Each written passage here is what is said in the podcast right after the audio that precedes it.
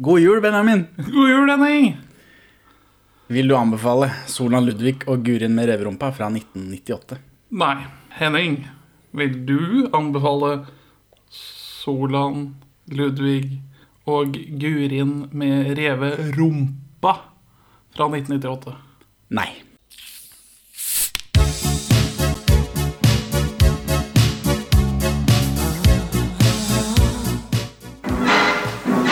Perla for svin.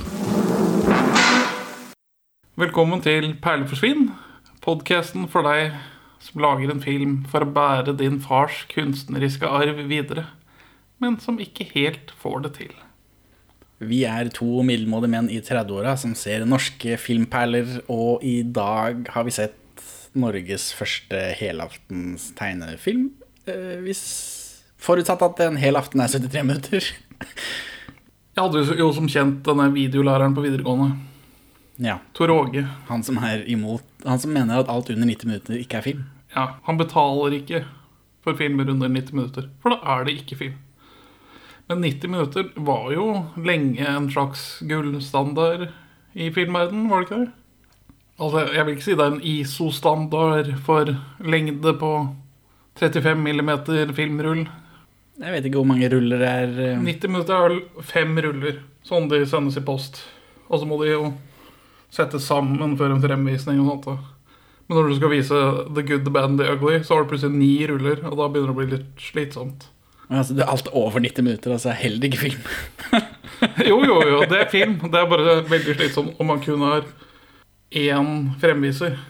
For du får bare tre sånne ruller på én sånn standard fremviserrull. Så du må ha to maskiner, og så må du rulle i gang den andre. Du må time det og bytte fremviser når man gjør det på gamlemåten. Ja.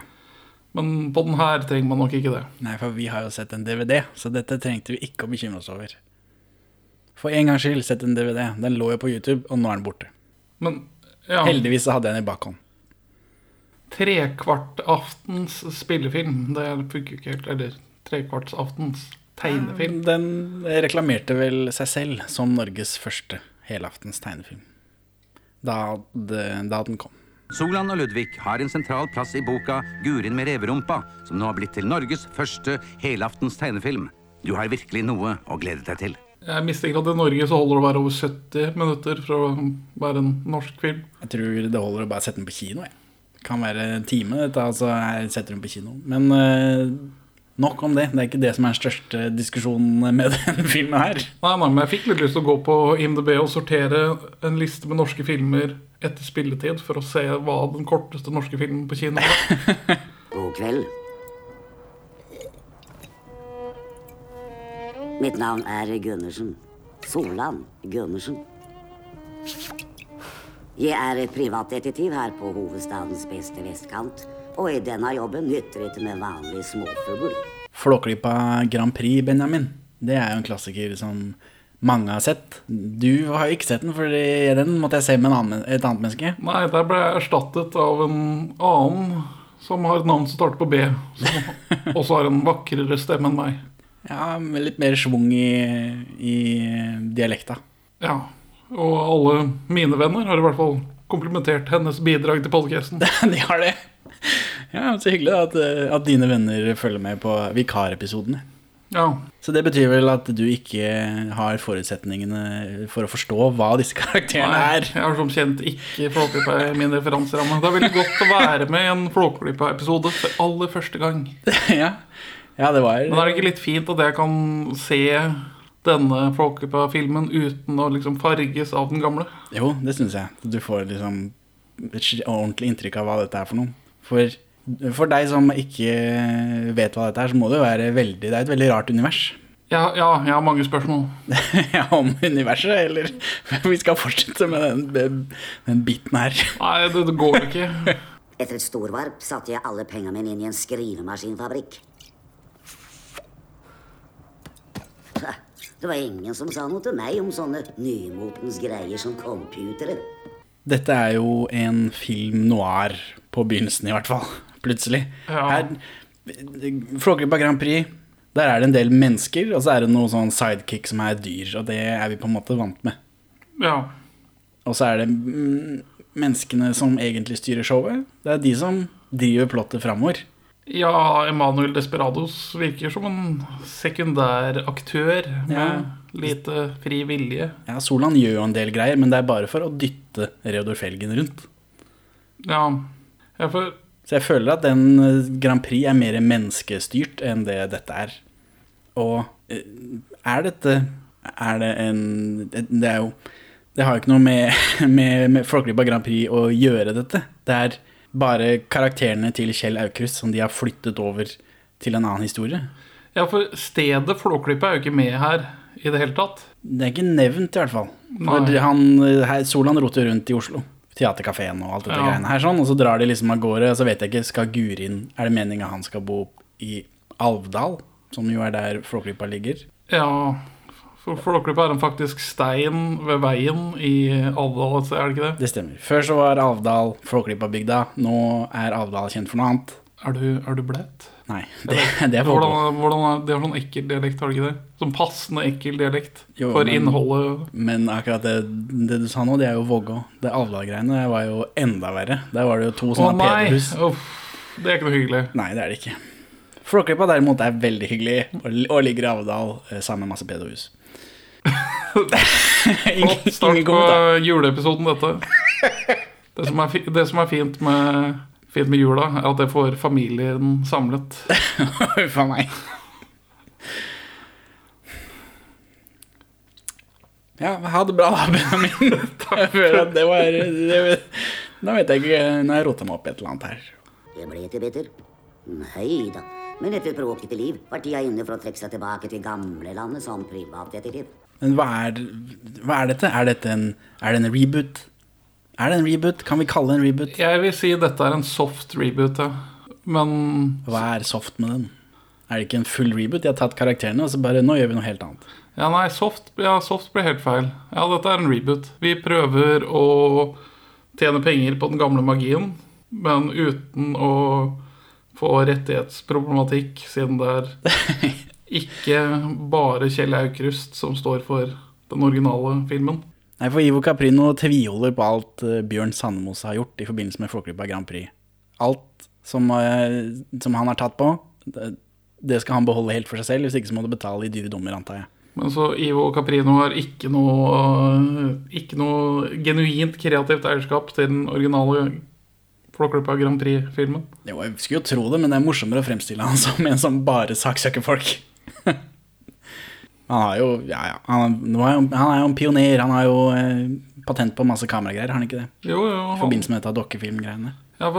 jeg prøvde jo å finne ut om han sa noe i anledning den filmen her, året den kom ut. Men han er opptatt med sånn fire forskjellige dokumentarer som vises på museum rundt omkring i Norge, som er filma med noen sånn supervideograf eller noe annet som han har funnet på.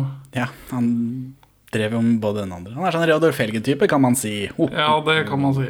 Dette er et mini-supervideografkamera. Som vi bruker når vi skal lage disse store programmene som vi har på Hunderfossen og på Nordkapp og Bresenteret. Dette her er da Bjarne Sandemose satt sammen. Er du den egentlige Reodor Felgen? Nei, jeg er nok ikke det, men jeg forsøker å efterligne ham så godt jeg kan. da. Å ja, ja, ja. Er- Nå er han altfor beskjeden. Det er ikke tilfellet, for han er et uh, unikum. Han er enestående når det gjelder tekniske løsninger. Men, men han er norsk. Ivo Caprino, ja. Han har italiensk far, tror jeg, hvis jeg husker riktig. Ja, men han er født i Oslo. For jeg trodde han var en importvare lenge. Nei, nei, nei. Ikke så vidt jeg vet. Nå er det lenge siden jeg har hørt den, eh, den eh, flotte Flåklypa Grand Prix-episoden vår, hvor jeg eh, tok opp noe av dette. Men jeg mener han er faren hans er italiener. Det var det jeg skulle gjøre til i dag, ja. du skulle hørt den. Ja, for jeg har, jeg har to ting jeg reagerte veldig på. Hva er det du reagerte på med den ene episoden av podkasten hvor ikke du fikk lov å være med, Benjamin? Uh, den uh... Som ble gitt ut den uka hvor du egentlig skulle klippe ferdig Morgan Kane. Ja. Ehm, nei, dere kunne kjørt en fyldigere debatt på Wacky Races. du mener det? Ja, og så har jeg svaret på hvorfor teksten ikke passer til det som blir sagt i filmen. Eller det er jo fordi de har skrevet ned det de har dubba med. Ja, men det diskuterer dere ikke i episoden. Uh, nei, det er mulig.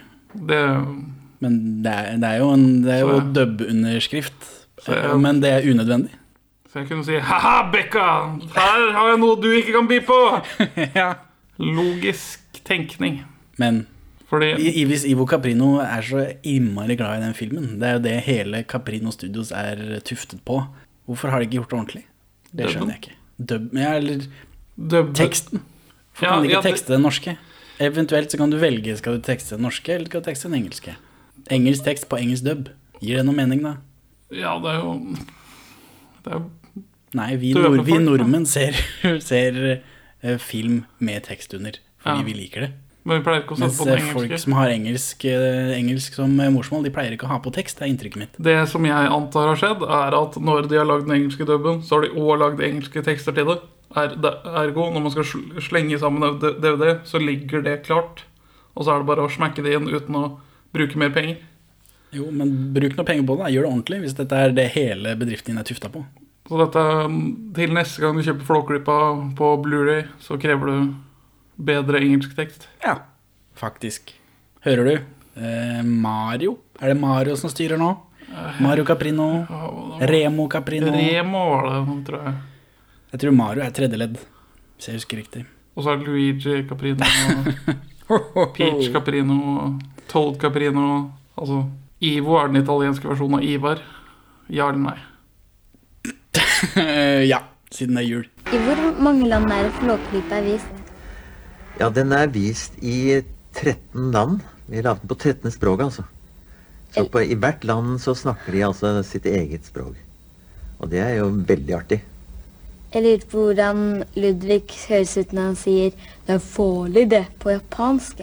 Ja, det kan du godt uh, høre på. その美味しそうなおやつこっちにも回してくれないかね Men tilbake til eh, Solan Ludvig og Guri med revrumpa. Jeg prøvde å finne ut om Ivo kom med noen kommentarer i anledning den nye filmen i det herrens år 1998. Ja, for hans estate har jo sagt en del om de nye Flåklypa-filmene. Ja, Jeg har jo prøvd å stoppe dem og masse sånt. det har de jo mer grunn til, men det får så være. Men Ivo holder helt kjeft. Han er jo opptatt med disse dokumentarene sine. Men jeg finner én henvisning at Kjell Aukrust og Yves Caprino de skulle egentlig overvære premierevisningen i Skien kino av denne filmen. Men den premierevisningen kommer og går uten at jeg finner noen henvisning til at noen av de var der. Men på samme tid, så omtrent samme tid, så dukker det opp en Flåklypa-relatert konflikt mellom Ivo og Kjell. Jaha. Er det noen som husker dette Flåklypa-spillet som kom rundt årtusenskiftet? Ifølge internett så er det mange som husker det. Sammen med sønnen Remo og barnebarnet Mario skal Ivo utfordre dataspillenes verden. Nå holder vi på å avslutte et eh, dataspill som eh, hele går ut på å bygge denne bilen. eh, veldig spennende og morsom. Ikke-voldelig, fremfor alt. Familievennlig eh, dataspill som altså har som oppgave å hente poeng gjennom alt det du skal gå gjennom. Det er fire timers spill, minst. Og, -hmm. og der er det animert, eh, dataanimert eh, alle figurene fra, fra filmen. Og de er så levende at det er helt nifst. Det er bra jeg ikke visste det den gangen jeg begynte på filmen. Det er ikke akkurat noe stress. Ja, for du har ikke spilt det? Nei, nei. For jeg, jeg har bare spilt det hos venner, men jeg opplevde at alle spilte det. Altså, Jeg kjenner veldig mange som har et uh, kjært forhold til det spillet. Og det som virker som har skjedd, er at Ivo ringer på et eller annet tidspunkt Kjell Aukrust i 1997 og sier Halla, jeg har lyst til å tjene penger på å lage et Flåklypa-spill. Og Kjell Aukrust er ja, sikkert drita eller noe, da. og sier ja til det. Og så, året etter, så dukker det opp i avisen at nå er det et Flåklypa-spill på vei. Og da blir Kjell Aukrust forbanna. For han liker ikke dataspill. Så han Nei. setter foten sin ned. Ja, for han er en veldig gammel mann, det er du for så vidt begge to. Men eh, Da går det til Først er det på vei til rettssak, men rett før jul 98 så kommer de til en enighet. Men det spillet kommer jo ut etter hvert. ja, altså Inntrykket jeg har fått, uten at jeg egentlig kan noe om det, er at Ivo Caprino eier alt som har med Flåklypa Grand Prix å gjøre. Eller han har bruksrett på karakterene som er med der, så lenge de ser ut som de karakterene ser ut der. Det er litt som uh, James Bond-filmen Thunderball. Thunderball er jo Der er det delte rettigheter mellom Ian Fleming, eller Eon, da, de som lager de ordentlige James Bond-filmene, og er det Kevin McCarthy han heter, han som har vært med og skrevet filmmanuset som Ian Fleming gjorde til bok før de lagde film av det igjen. Så det betyr han Jeg tror det er McCartney. McCarthy? Noe sånt. Det er mulig jeg tar helt feil, men han har nå et navn, denne fyren. Han kan bruke James Bond, han kan bruke M, han kan bruke alt dette så lenge det har noe med plottet i Thunderball å gjøre. Så den filmen er jo eh, remade som Never Say Never Again med Sean Connery som James Bond. Det er med en M. Sånt, og, eh, og Spekter har vel han hatt bruksrett på også. Så jeg tror Jeg, jeg har innbilt meg at det er noe sånt at Ivo Caprino kan bruke Ludvig og Reodor og all den, den gjengen der sånn, så lenge de ser ut som de gjør i den filmen. Altså Flåklypa Grand Prix. Ja. Sånn som den eh, De har jo krangla en del om den, eh, den berg-og-dal-banen på eh, Hundefossen. Ja. For, og da er vel spørsmålet Ser den nok ut som Il Tempo Gigante gjør i filmen? Er det, ser den for mye ut som det? Ja, for- Så det er det de har krangla om i retten. For, men Il Tempo Gigante duk- dukker vel først opp i Flåklypa Grand Prix, gjør den ikke det? Så er altså saken om berg-og-dal-banen Il Tempo Extra Gigante i Hunderfossen familiepark i nok en runde i retten. Nå er eh, partene uenige om kontrakter og markedsføring. Her er stridens kjerne. Berg-og-dal-banen Il Tempo Extra Gigante, som har vært en attraksjon ved Hunderfossen familiepark siden 2014. Caprino Filmsenter gikk til søksmål fordi de mente den lignet for mye på den kjente racerbilen Il Tempo Gigante fra filmsuksessen Flåklypa Grand Prix. Caprino ble ikke hørt i tingretten, vant så i lagmannsretten, men tapte til slutt kampen om opphavsretten til navnet i Høyesterett. Når partene nå møtes igjen i lagmannsretten, dreier det seg om markedsføringsrett og om inngåtte kontrakter er holdt. Aukruststiftelsen og Hunderfossen mener de har sitt på det tørre. Hundefossen har opptrådt i samsvar med god forretningsskikk, eh, gitt Caprino mange sjanser til å være med videre, og har også basert seg utelukkende på det som er Aukrusts originale Il Tempo Gigante. Og det er Hundefossen nå en del av, sånn som Caprino har vært en del av det universet. I det universet så er det ingen som snylter på noen, det er et felles univers. Men Caprino Filmsenter mener motparten illojalt snyltet på filmbilen da de bygget berg-og-dal-banen, og at det ikke holder med en originaltegning av bilen publisert i 1968.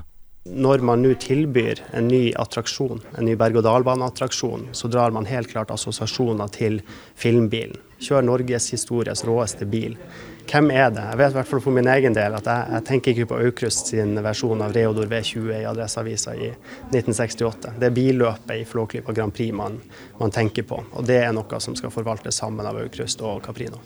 Greia til Kjell Aukrust er at han gjorde en tegneserie i Mannskapsavisa, kjent i dag som Forsvarets forum. Blant annet. Ja, ja, han, Men han har, han har jo skrevet bøker og sånt også, som, eller tegneserier og bøker hvor han har tegna til og sånt noe, så jeg vet ikke hvor Il Tempo Gigante først dukka opp. ja, men jeg mener å ha lest en gang at den er først fra filmen.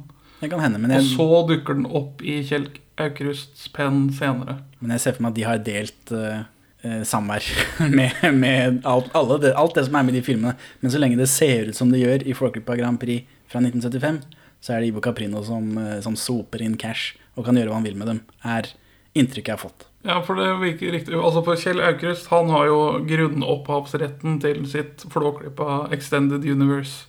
Altså alle disse karakterene og figurene og stedene og sånt. Men når, men når han går inn i et samarbeid med Ivo Caprino, så blir den videretolkningen havner i hans eierskap. For altså, jeg veit at Kjell Aukrust deltok i en viss grad i Var med på å skrive litt manus og sånt til filmen. Men det er denne, det er denne utformingen som Ivo Caprino står for, som han ender opp med å eie. For det, han har jo gjort et åndsverk oppå et annet åndsverk i avtale med den opprinnelige åndsverksinnehaveren. åndsverk... Innehaveren. Uten en veldig moderne kontrakt fra Aukrust og co. som sier at du får låne disse til akkurat denne produksjonen, men alle endringer skal tilfalle oss. Det er det inntrykket jeg har. Altså, øh, når jeg jobba litt som grafisk designer her og der, og da står det i alle kontrakter at hvis jeg gjør noe som er kreativt med jobbutstyr, eller i pausen på PC-en, uansett om jeg, tegner verdens vakreste penis i Adobe Illustrator, og den bare går som en farsott Gjennom norske kunstverden, rett inn på Ja. T-skjorter overalt. Alle får en sånn liten penis på capsen sin. Sånt. Så tilfaller det min arbeidsgiver. Det virker som om en slik kontrakt ikke eksisterte mellom Aukrust og Caprino. Det var jo litt sånn nybrottsarbeid, så det er mulig de har tatt det litt sånn på sparket. Og da ender vi opp i den situasjonen hvor vi er i nå, da, hvor de har gått mange rettsrunder på forskjellige ting, aspekter. Og nå tror jeg det er sånn tålelig naila hva som er hva. Men det tok jo noen runder i rettssystemet. Jeg syns det virker som Caprino sitt åndsverk har blitt krenket i anledning til de nye filmene. De ser jo helt annerledes ut, da. Det er jo det de skor seg på. De, de nye filmene er jo Er jo ikke i samme grad som Gurin-filmen like fjernt fra stilen og estetikken i den originale Flåklypa-filmen. Nei, men så er den stilen og estetik estetikken kommer jo fra Kjell Aukrust. Den som er i Flåklypa-filmen. Har, du sett- har du sett alle de nye Jeg har sett den første av de nye. Ja. Og den andre, kanskje. Ja, jeg har bare sett den første. Men har du sett Il Tempo Gigante? Er den med i de nye? For det tror jeg ikke. Nettopp av det. Men Solan ligner mer på sin Grand Prix-utgave enn det han gjør på sin Gurin-utgave. Ja, men ligner han, ligner han mer på den tegna førsteutgaven, da? For det har jeg tenkt at eh, Eller det, sånn må de vel ha gjort det. De som har lagd Kvisten, Kvisten animasjon, som har lagd de nye eh, Flåklypa-filmene, at de har eh, bare lagt bort hele Flåklypa Grand Prix, altså gått rett til tegningene. For du kan jo ikke basere deg på de, på de dokkefilmene til Dokkefigurene til Ivo Caprino, for da blir du saksøkt med en gang. Det ble det for så vidt uansett, men eh, da ville de også tapt. Så det er den eneste måten de kan ha gjort det på, hvis de eh, har gjort det riktig. Det er ikke noe grunn til å basere det på Ja. Du kan heller gå rett til kildematerialet istedenfor å, å ta det på første, andre generasjon. Men det har jo ikke vært å hente animatører i Taiwan som kunne skape det i et vakuum. De føles eh, Hva blir det? De føles nedarvet fra den animerte originalen. Ja, det er noe så, men, eh, men de har iallfall gjort nok til at de kan eh, rettferdiggjøre det i en rettssak. Det har gått 38 år siden den første filmen med Kjell Aukrusts karakterer Solan, Ludvig og Reodor. Flåklypa Grand Prix er den mest sette norske filmen gjennom tidene. Det er et privilegium å få lov til å jobbe med noe som er så kjent og kjært. Eh, samtidig så er, jo, så er dette en ny tolkning. Vi har liksom gått tilbake til Kjell Aukrust sine bøker og tegninger og lagd en måte en ny eh, tolkning av eh, universet hans. Så eh, jeg er veldig spent på hvordan eh, folk tar imot det. Jeg er uenig med rettens kjennelse. Det tror jeg retten kommer til å ta, Ivo, Ivo, ta til etterretning. Dette her, denne episoden her kommer til å komme opp i en eh, Ivo Caprino-rettssak, det er jeg helt sikker på. de bruker alt de kan få. Caprino Filmsenter har tapt 10,5 millioner kroner pga. høye advokatregninger under striden med Hunderfossen familiepark.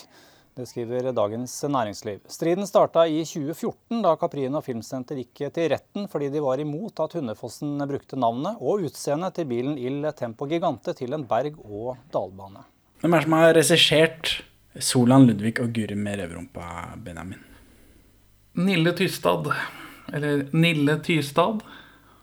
Eh, ja, det er én. Det er to av dem, vel? Morten Nei. Jon M. Jacobsen. Jon Morten Jacobsen. Det kan hende. Ja, hva den M-en står for, det har jeg faktisk ikke tenkt på. for det står bare Jon M. Jacobsen. Men Jon M. Jacobsen har vi vært borti veldig, veldig veldig mange ganger. Uten at jeg har nevnt den, fordi han er produsent. Dette er hans eneste regikreditt. Ja. Den aller første filmen han produserte, er Primaveras sagaen om Olav den hellige. Som, altså, det, dette var en mann som var lovet store filmproduksjoner.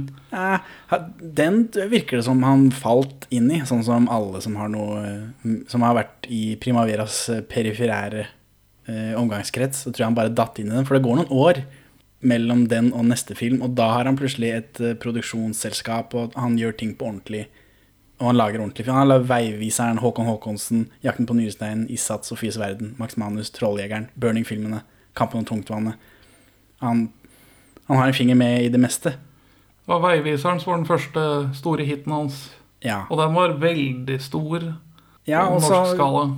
Og så har han jo drevet og lefla på andre sida av dammen også. Håkon Håkonsen er jo en samproduksjon med Disney, og Veiviseren er jo remade. Og eh, Hodet over vannet også er han, som også er eh, Det er også lagd en amerikansk versjon bare et par år etter. Så han er Noen kaller han Norges mest suksessfulle filmprodusent. Overraskende mange, virker det som. Ja. Han, har jo, han får jo til med en egen bok i 2003, som er sånn Jon M. Jacobsen, produsentgeni. ja. Jeg har dessverre ikke klart å få fatt i boken, men eh, Nei. Mens eh, Nille Tystad, hun er en sånn animasjonsdame. ja. Og det er vel egentlig det. Ja, det er jo, hun har jo litt backstory, da. Ja, Har du noe mer om Jacobsens og eh, Tystads samarbeid i forbindelse med denne filmen, eh, Benjamin, og videre? I boka til den filmen her så nevner de bare i én setning at eh, animasjonsfilmer er veldig mye jobb. Så da er det vanlig å fordele regien utover to mennesker. Men dette er jo Jon Jacobsens eneste regikreditt. Så jeg ser for meg at et eller annet har gått galt på veien, og han liksom har måttet eh, snike seg inn et sted. Det har ulmet noe i Nille og Jons samarbeid, vi kan, tror jeg vi kan stadfeste. Ja, Fortell meg mer, Benjamin. For dette er faktisk mer interessant enn den dumme filmen vi har sett. Nei, for hvis vi skal snakke om denne filmen fra dens begynnelse, så må vi tilbake, først tilbake til det herrens år 1992. For uh, Nille Tystad har Hvordan sier man det? Tystad? Jeg aner ikke. Tystdal. Tystdal? Nei. Jeg har skrevet både. Tystdal og Tystad her. Jeg vet ikke hvem som er hvem. Jeg tror det er Tystad. Det gikk ikke lang tid før jeg kom over en underlig sak. Nille Tystad er ingen utdannet animatør. Nei, men hun har vel en far som har drevet med det. Hun har en far og en mor som har drevet med det. Men det er ikke sånn at verken faren eller mo moren har laget en film som er jeg håper å si god nok, men som er lang nok til at du og jeg kan se den i dette podcast-prosjektet, er det det? Eller som, som eksisterer på noen som helst måte? Er det det? Hva er det de har gjort? Eh, mora er mest kjent for denne overgreps-animasjonsundervisningsfilmen sin fra 1986. Du sier det som om jeg skulle vite hva det var for noe, men Jeg har sendt deg en lenke. Jeg har sendt deg en lenke. Ja, ja men du, du bombarderte meg på Twitters DM-er. Og det er faen meg så ubrukelig at det Perler understrek for understrek svin på Twitter. Denne 34 år gamle overgrepsfilmen blir fortsatt brukt i undervisningssammenheng for å få barn til å huske å si fra til andre voksne hvis voksne forgriper seg på dem. Så den er en sånn En stayer. En stayer i det segmentet. Og hun Hun får fortsatt royalties. Hun mora snakka om den filmen på animasjonsfestivalen i Fredrikstad nå i høst. Ja, det stemmer. Det var en eller annen tista der. Om ikke to. Ja, hun, hun Dattera sto på lista, men jeg har ikke klart å finne ut hva hun gjorde. Nei. Hun var for, for så vidt på et Flåklypa-seminar i- på Norges filmhøgskole i desember i fjor og prata om Flåklypa. Altså, så, men hva skjedde under den filmen? da? Jeg hadde liksom inntrykk av at det var dårlig stemning. Ja, vi, vi, vi bygger til det. Vi Ja. bygger til det. Siden hun holdt på med Flåklypa ennå, tenkte jeg. Holdt foredrag og greier. Ja, men det som, er, det som er verst med dette foredraget, er at på Flåklypa-seminaret, som gikk over tre dager, så har de to stykker til å prate om den originale Grand Prixen i 45 minutter. Mens den her får en time. Eh, ja. Ja. Men vi har jo ikke begynt på filmen ennå, Nei, så det vi kommer til det. det her er hans år 1992. Ja. Så mora hennes er en kjent animatør. Ja.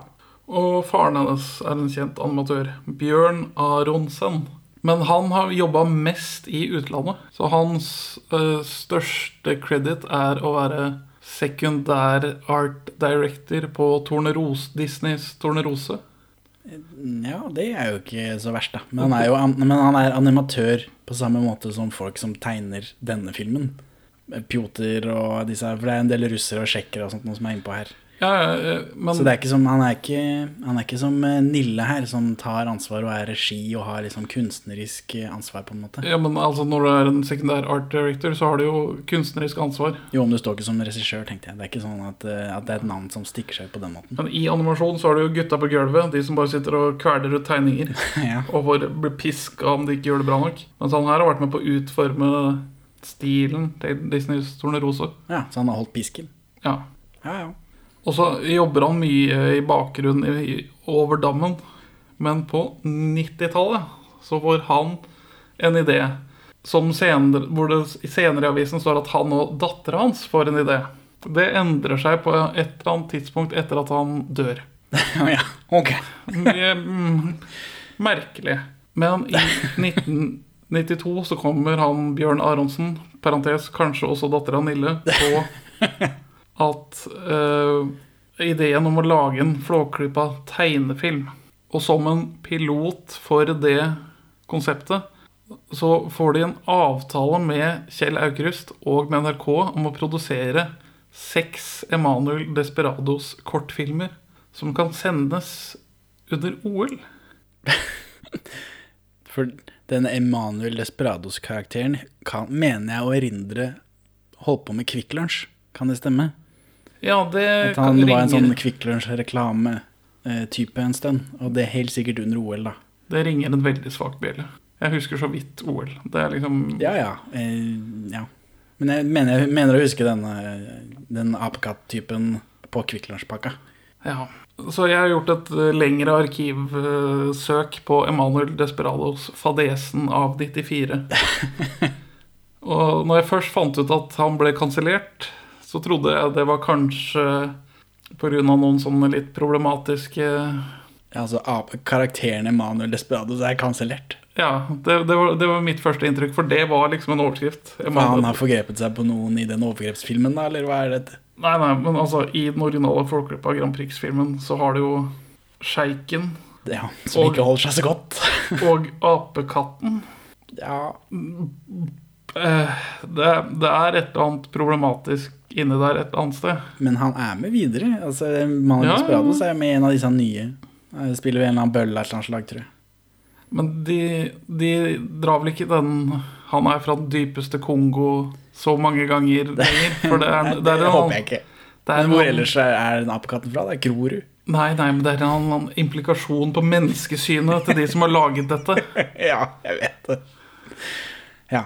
Men tilbake til den der serien i forbindelse med OL, da. Så Bjørn Aronsen regisserer og produserer seks Emanuel Desperados kortfilmer. Alle tufta på en spesifikk vinter-OL-gren.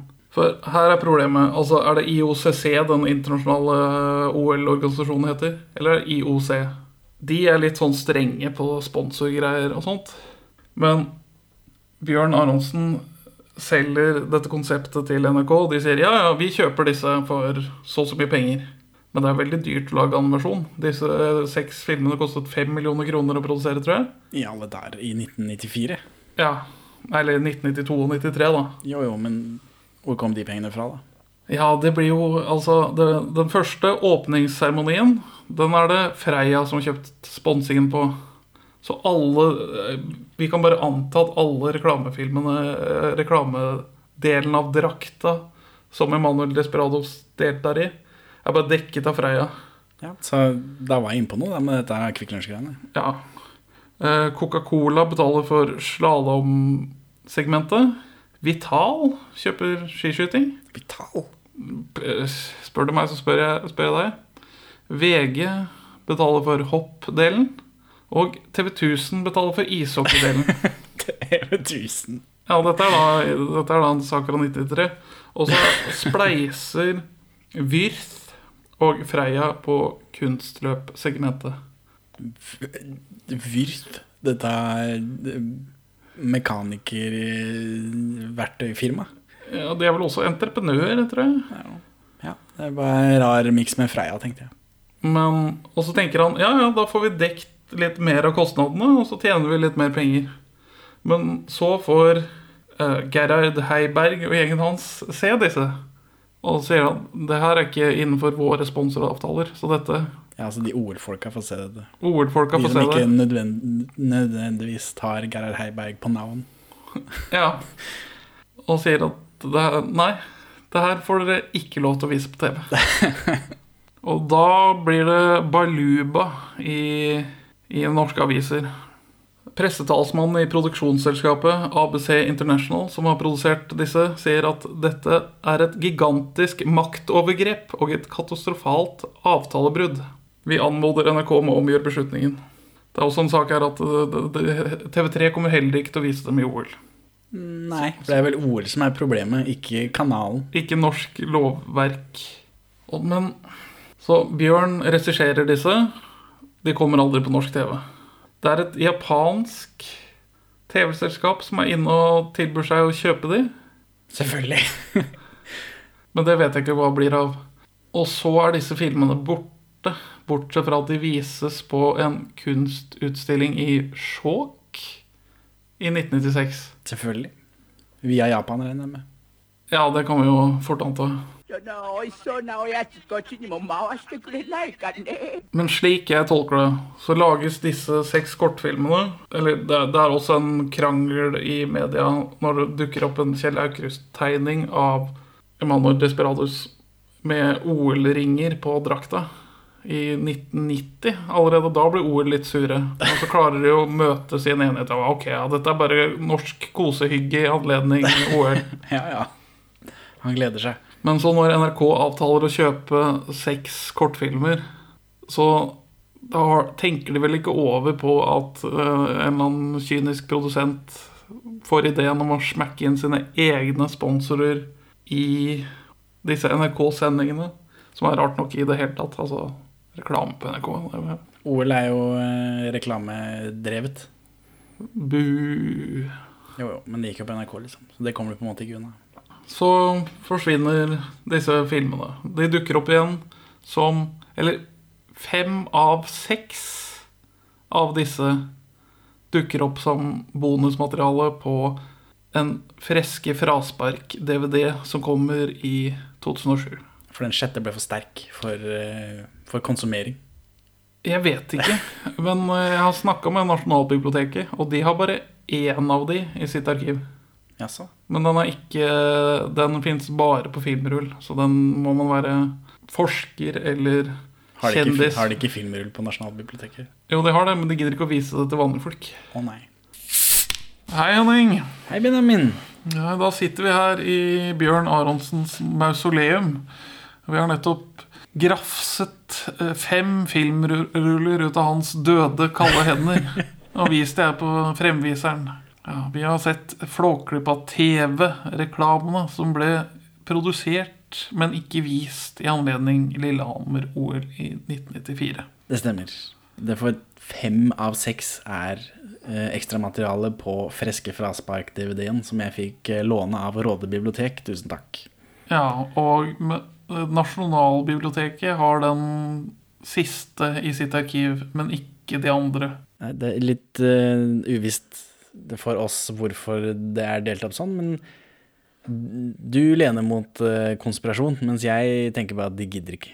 Hvorfor skal de bry seg? Flåklypa er jo viktig for norsk kultur, er det ikke det? Det er ikke De er ekstramateriale på en film ingen bryr seg om. Så Ja. viktig er det ikke. Pins, det var det som var viktig i 94. Absolutt. Pins var veldig viktig. Men hva syns du om disse animasjonene, Benjamin? Jeg vil påstå at det ikke er like vondt å se på som Solan Ludvig og Gurin med røvrumpa. Eh, Men animasjonen er jo ikke akkurat smooth her heller. Nei, og så jobber de De prøver altfor hardt på å ta streken til Kjell Aukrust. Og de får det jo til, men det virker til å gå på bekostning av animasjonskvaliteten.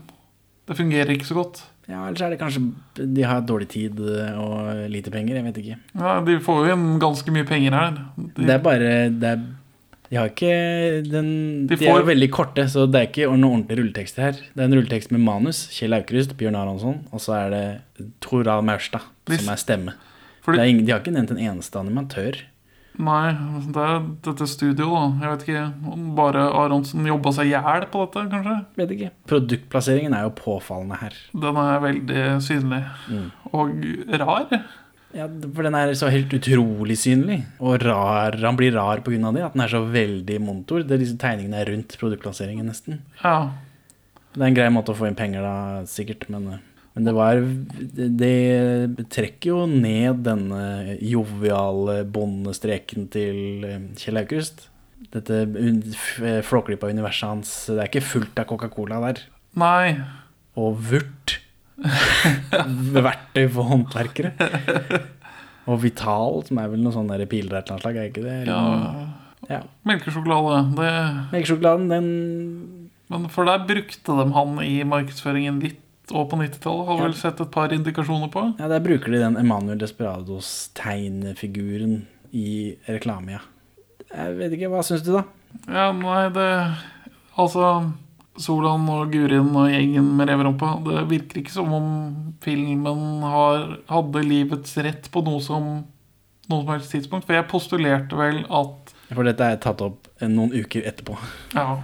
Nei, for jeg postulerte vel at Bjørn Aronsen, som er en proff fyr som har jobbet i USA, en slags animasjonens Tore Ryen, kommer og starter så vidt et prosjekt før han reper den, og så tar hans animatørdatter over det prosjektet og skal bygge noe som hun ikke har store nok sko til, eller store nok føtter til å fylle disse skoene.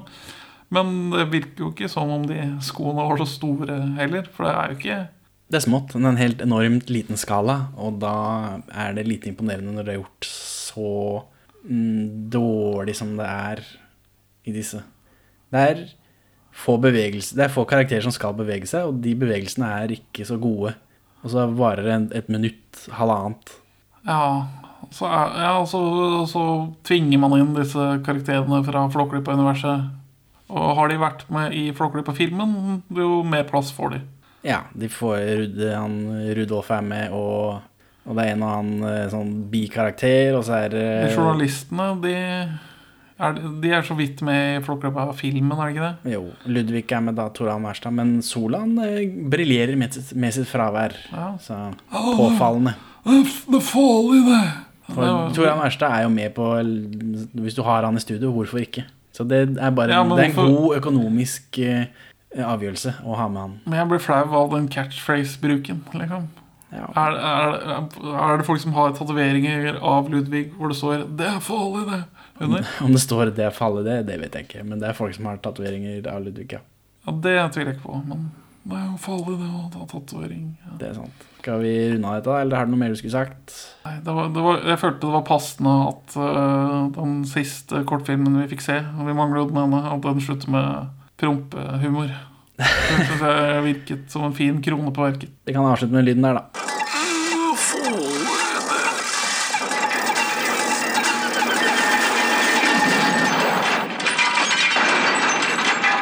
Og trøst og bære meg for en smell! Min sportsjournalist Melvin Sterken er på plass for en kommentar med Emanuel Desperados, som etter eksplosjonen har trukket seg tilbake bak lukket dør med brev og besøksforbud. Har de, ikke, har de ikke filmrull på Nasjonalbiblioteket? Jo, de har det, men de gidder ikke å vise det til vanlige folk. Å nei. Podcastfolk, da? Vi er ikke vanlige. Har de ikke VHS-kopi av det, så får vi ikke se det. For meg. Og, og de, disse seks kortfilmene heter også Flåklypa TV, som den originale Flåklypa Grand Prix også skulle være. Ja, for det skulle jo være De skulle lage sånn kortfilm til barne-TV, sånn som Ivo Caprino har gjort. Men så ville de ikke ha det, eller noe sånt. Nei, det ble ikke bra nok for NRK. Nei. Og da brukte de alle figurene til å lage en spillefilm isteden. Men denne Flåklypa TV-inkarnasjonen For Flåklypa TV er en, også en egen bok av Kjell Aukrust, tror jeg. Det vil jeg anta. Ja, videre. Videre i sagaen om uh, Aronsen. Om Tystad-slekta. Aronsen-slekta og, og uh, Aukrust. Men så, på, fra og med 1990, så er liksom Bjørn tilbake i Norge og skal lage tegnefilm her. Og da får han ideen om å Eller det spørs om du leser om det før eller etter 1994. For det er da han dør? Ja. Når det, er han- så er det han som får ideen, eller så er det Nille som får ideen? Nei, de begge som får ideen. Og da er det planlagt mellom Jon M. Jacobsen og Bjørn Aronsen at dette skal liksom være hans comeback i norske kinosaler. Eller det er hans i hvert fall forsøk på å slå igjennom til det norske publikum. Nå har han vært og spissa sverdet på den amerikanske steden. Jo, men Tone Rose var jo på 50-tallet, var ikke det? Ja, men han jobbet Det med flere ting, men det var, det var den største på lista. Ja, ja, skjønner. Også i idet filmen starter pre-production, Så kvelderen. så kvelderen. Et korttids sykeleie, og så er han der. Men heldigvis har han hatt denne ideen sammen med dattera si. Ja, Men eh, så Nille gjør litt animasjonsarbeid på ting foreldrene lager. Men hun har ikke noe utdanning i animasjon. Nei. Hun, Hun, har praktisk erfaring. hun har praktisk erfaring. Hun har et sånt animasjonskamera hjemme i stua som hun bruker til å lage sin første kortfilm som barn. Men det virker til å være en Det er noe annet Det er, det er vanskelig å lage helaftens tegnefilm. Ja, og det, denne, dette utsagnet baserer du på? AZ-filmen. Den er kjempedårlig. Ja, men det er jo en film for det. Det er det. Men nå har jeg lest ganske mange anmeldelser for den, denne filmen. Jeg mener å huske at folk likte den når den kom. Jeg har sett den på kino. Jeg var ni. Jeg har sett den på kino. Alle vennene mine har sett den på kino. 700 000 mennesker så den på kino. Det stemmer. Solgte 700 000 billetter. Eh, Jeg var jo for liten til å ha noen mening om det, men jeg mener at folk syns det var eh, stas. Folkeklippa slår jo veldig godt an, stort sett. Får ikke gjort det mye gærent der. Det Ja. er så jovialt og fint. Ja, for det er nettopp det. For jeg leste en del anmeldelser i samtiden om den, og da får den som regel fire og fem på terningen. En og annen sekser. Men alle de positive anmeldelsene sier jo at ja, det er ikke alltid historien fungerer helt, men vi hygger oss veldig. Ja, Flåklypa er så koselig. Ja, for dette er jo nostalgirunk til tusen. Det er det. Historien begynte i ei lita fjellbygd et stykke nordover. Så bortskjemt er plassen at julenissen sjelden nådde fram før i juni. Men så Nille Tystad har bare regi på én enkelt film, Gurien.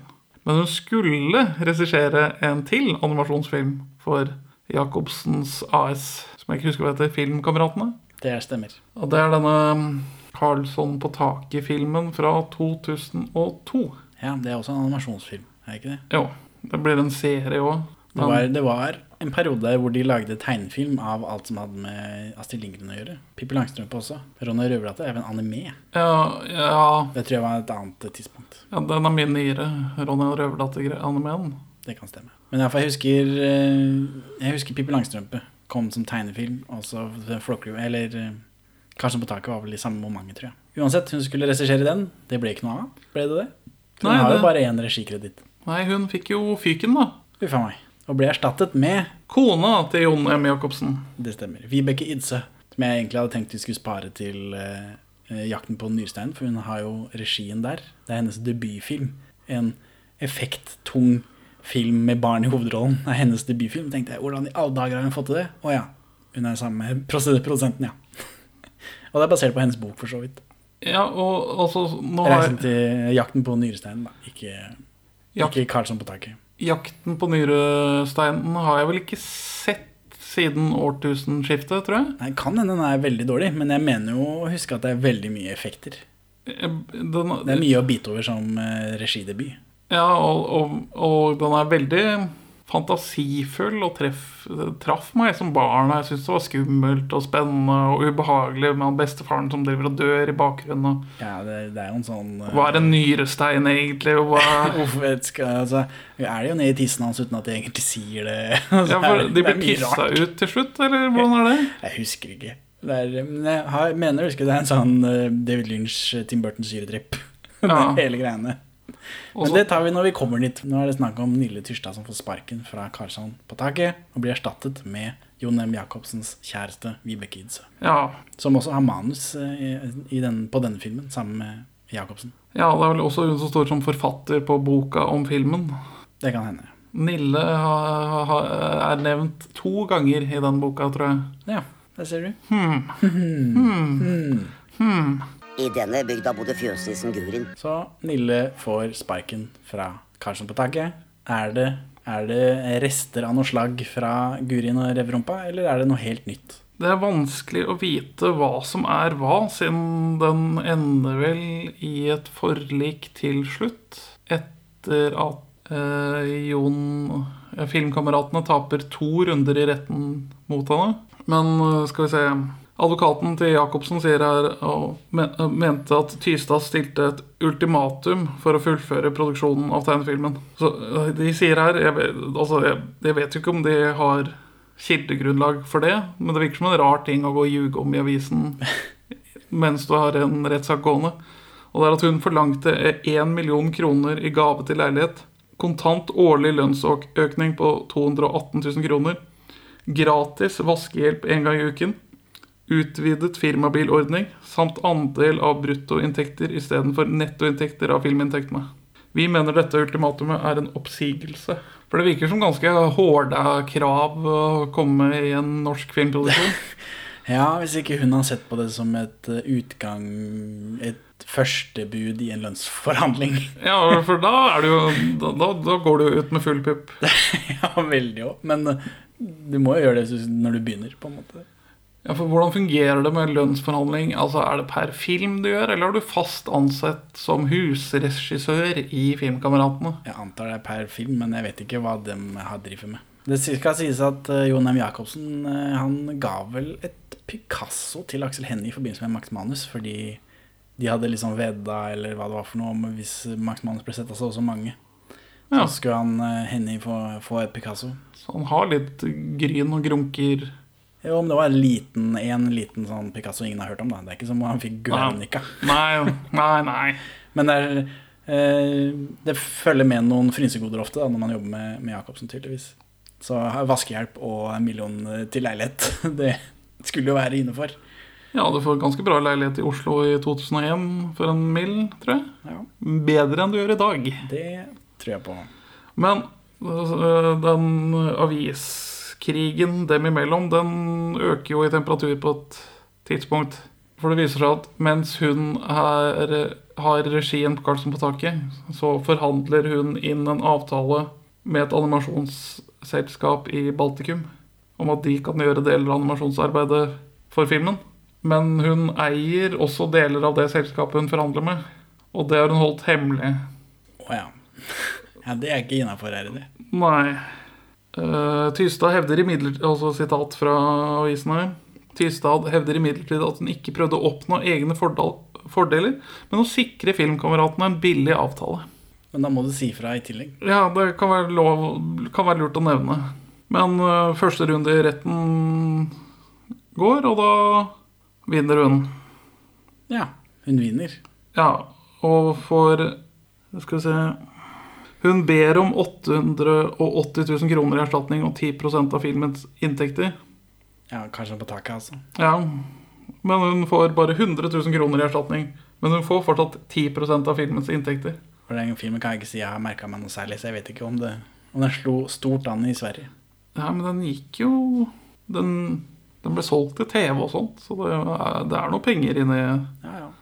Men Da gikk det bra med Nille til slutt, da. Jeg, er jo veldig enig med Nille at det er muffens å sparke en regissør og sette inn dama si isteden. Det, det er jo det. det. Det lukter litt rart. Ja. Men hennes, hennes avtaletriksing og hårda krav virker jo òg litt lumske ut. Ja, men Det høres ut som det har vært på sida av denne rettssaken. Ja. At eh, det er dette som er saken, og ja, du driver med mye snusk i tillegg, men det eh, kan vi ikke ta akkurat nå. Og så, ja, og så går hun til sak mot dem en gang til for å få tilbake jobb-PC-en sin. For der har hun noen private filer på som hun ikke får tak i. Men det virker som om Eller det Det var ikke noe skylagring da, si. Nei, det var ikke det. Men det virker som det blir løst ganske greit.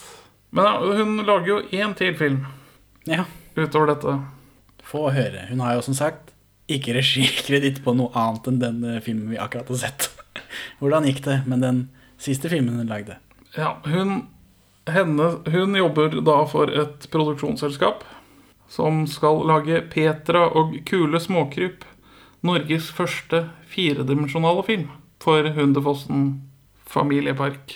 Ja. Det, er, det er masse tegn, Steve og Caprino her. Absolutt. Det er en liten verden som spinner seg rundt Flåklypa-relaterte konflikter. Ja, for det ble en konflikt. Ja, kunne, det- ikke bare, kunne ikke bare lage det.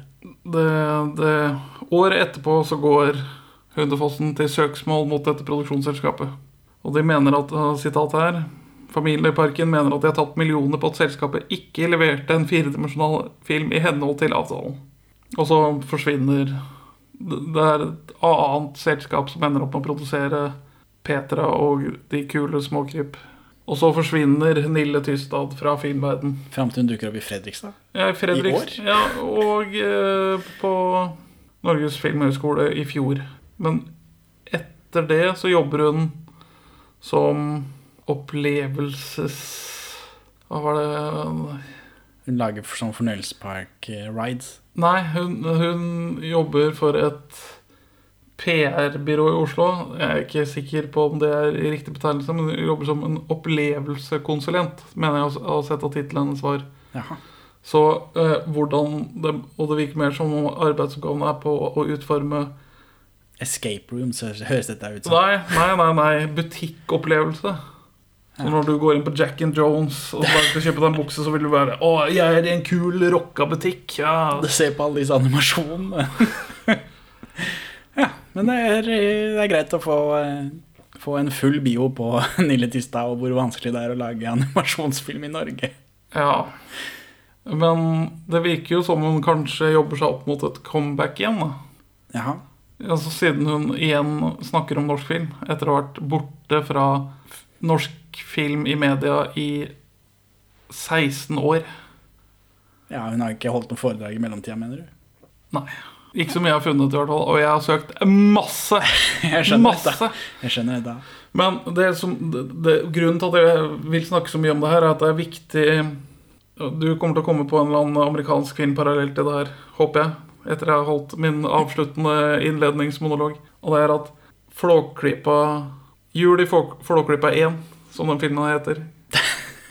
Eller Gurin med reverumpa er en barnebok laget av Kjell Aukrust. Det stemmer. I 1991. Eh, usikker. På 50 sider. Ja. Men det er store tegninger, og så er det litt tekst. Klassisk barnebokformat.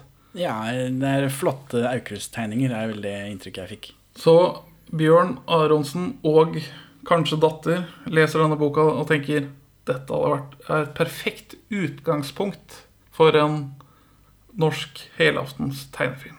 Den første. Og han har med seg 50, nei, 45 år med erfaring fra Overdammen.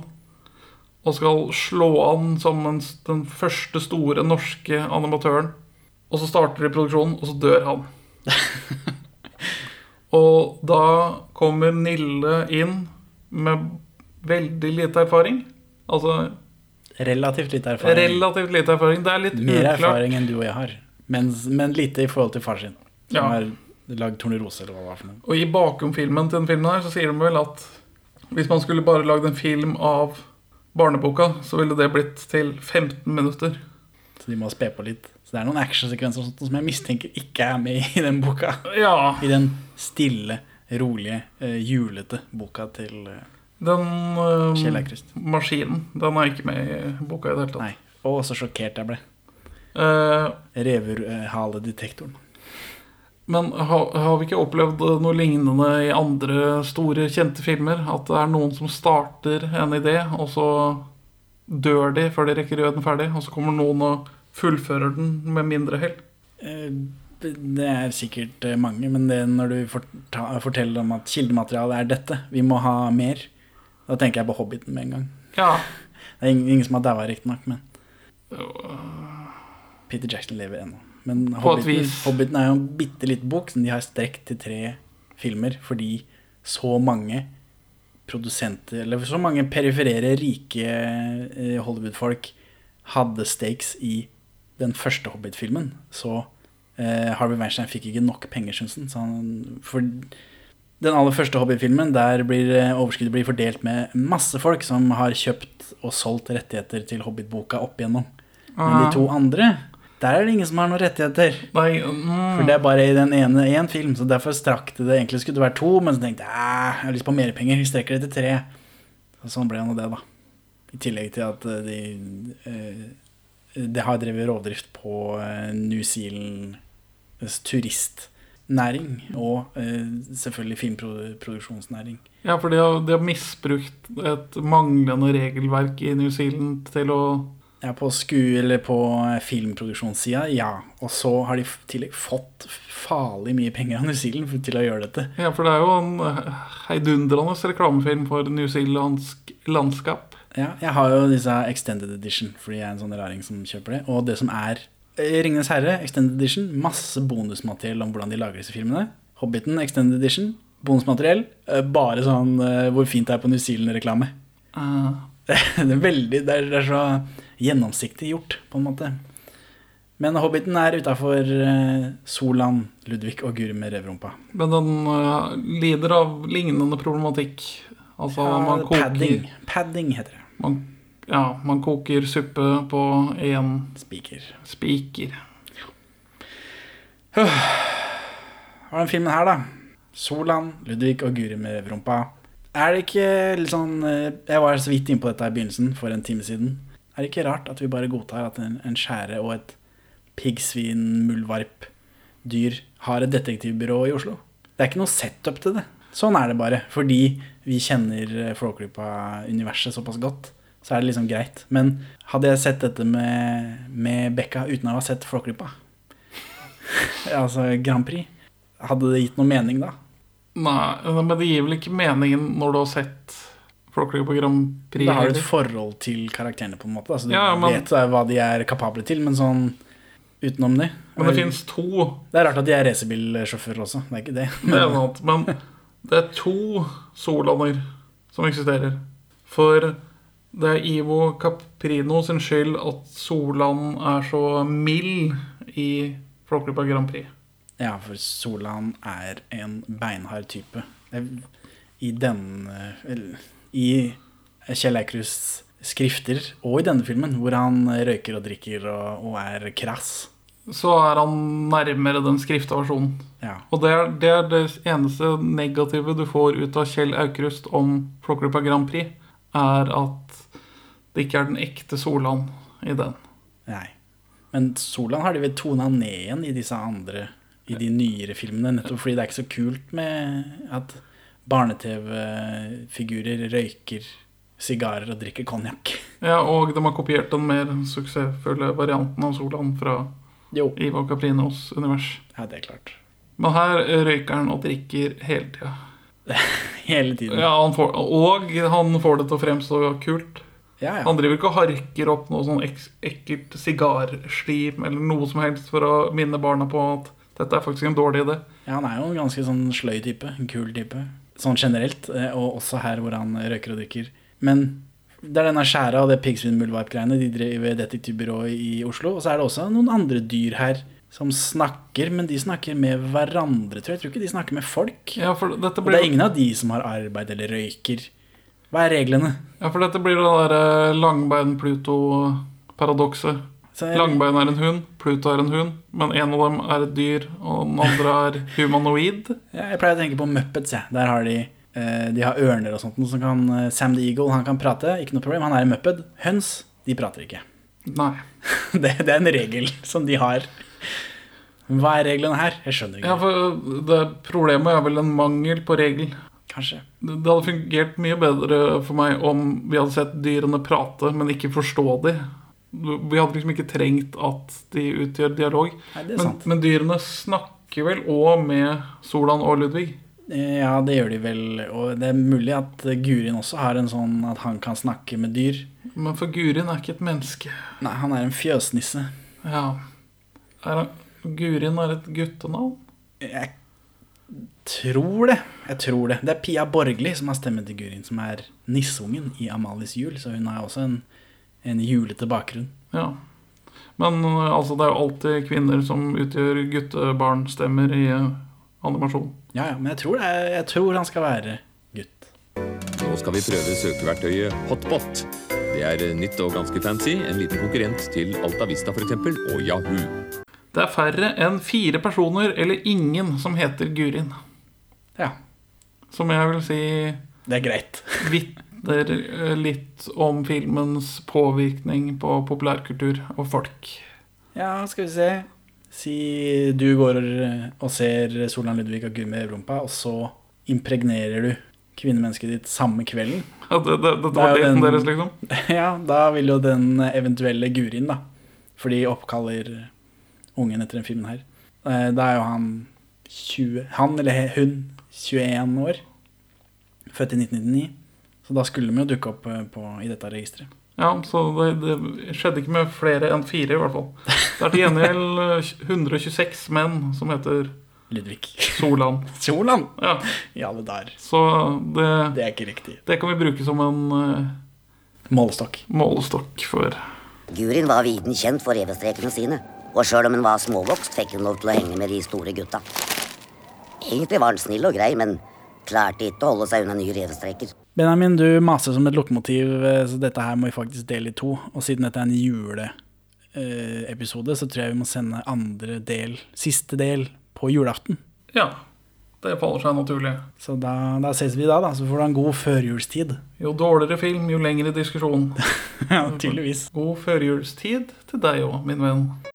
Takk for at du hører på Perler for svin. Du finner oss først og fremst på perleforsvin.no, men også på Twitter under perler-for-svin, Facebook som perleforsvinpod, eller du kan maile oss på perleforsvinpod at gmail.com. Gi oss gjerne en eh, rating i din lokale podcast-avspiller, og, og legg igjen en beskrivelse, så folk skjønner hva det er for noe tull vi egentlig driver med. Her er ukas Pål Bang-Hansen-sitat ute av kontekst.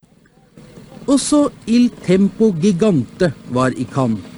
Men vi må igjen ha lov til å si at suksessen ville blitt en annen om noen hadde hatt ansvar for den norske representasjonen i Cannes. Ivo Caprino fikk nesten ikke lov til å kjøre sin bil før festivalen omtrent var slutt.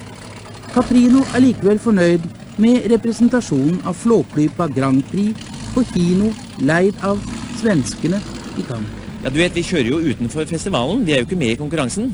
Eh, men eh, jeg må si vi har hatt en eh, ganske usedvanlig god reaksjon. Vi kjører jo en engelsk versjon med franske undertitler. Og jeg vet jo det er jo et veldig blasert publikum som, som ser filmer her nede. De kan og vet veldig meget om film. Og eh, den reaksjonen som vi fikk i salen, den syns jeg minnet eh, veldig om den vi har hjemme. På de samme stedene, på den samme måten.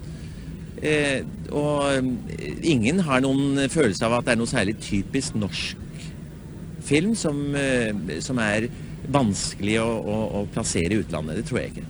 Hvor mange land har du solgt den til nå? Eh, altså direkte kontrakter eh, har vi jo en del av, men eh, vi er så heldige at vi, vi liksom har hva det heter selgers marked. Mange som er interessert i den. De vet det er en vanskelig film å få publikum til å gå på, men eh, oppkjøperne, distributørene her, de er veldig, blitt veldig glad i filmen, simpelthen. De, de, de føler at dette er noe annerledes.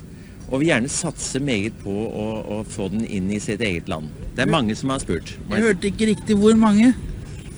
Eh, vi skal på festivalen i Moskva også, så jeg vil vente med å se hvordan det går der. Verdens mest kjente bil er norsk og befinner seg på Hundefossen i Lillehammer. En modell av denne bilen var like selvfølgelig på ethvert gutterom som Kiss-plakaten etter hvert ble. Modellen ser slik ut, og navnet er 1, 2, 3 Il Tempo Gigante. Både Kjell Aukrust og Ivo Caprino. Ivo Caprino.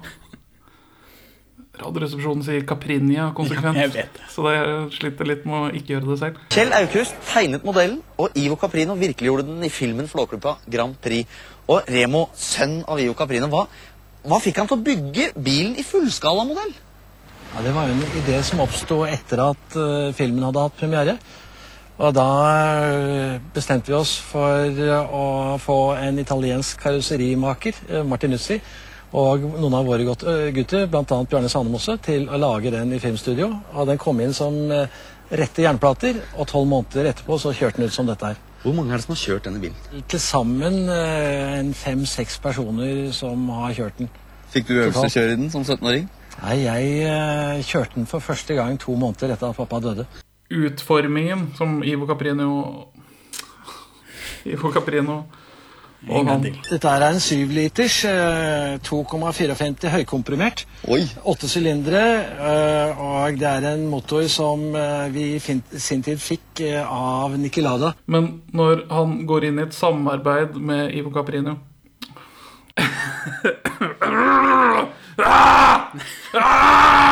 Slapp av, please. Vi har sett den fremste motoren, men jeg vet at det råeste sitter bak. Hva, er det her ordentlig, Remo? Det er en uh, turbinmotor, men den bruker vi ikke lenger. Eh, det er for store krefter. Dessuten så er det en støynivå som EU-kontrollen ikke aksepterer. Du vet hva er det som kikker på meg her? Ja, Dette er en oppfinnelse som ble gjort av oss eh, 27 år siden, og som BMW og Mercedes nå har tatt opp. Det er sladrespeil. Ryggekamera, rett og slett? Ryggekamera. Og jeg må bare si det, jeg har jo en hang til potter. Og jeg får et hysterisk eh, gledesanfall hver gang jeg kan stikke hånda mi inn i en potte. Men her på Il Gigante kan jeg stikke hele hodet ned i potta! Hvorfor kan ikke Rema anmelde lommetyver når Nille Tystad Nei, jeg vet ikke. Eller det passer bedre med europeisk. Kom til saken, da.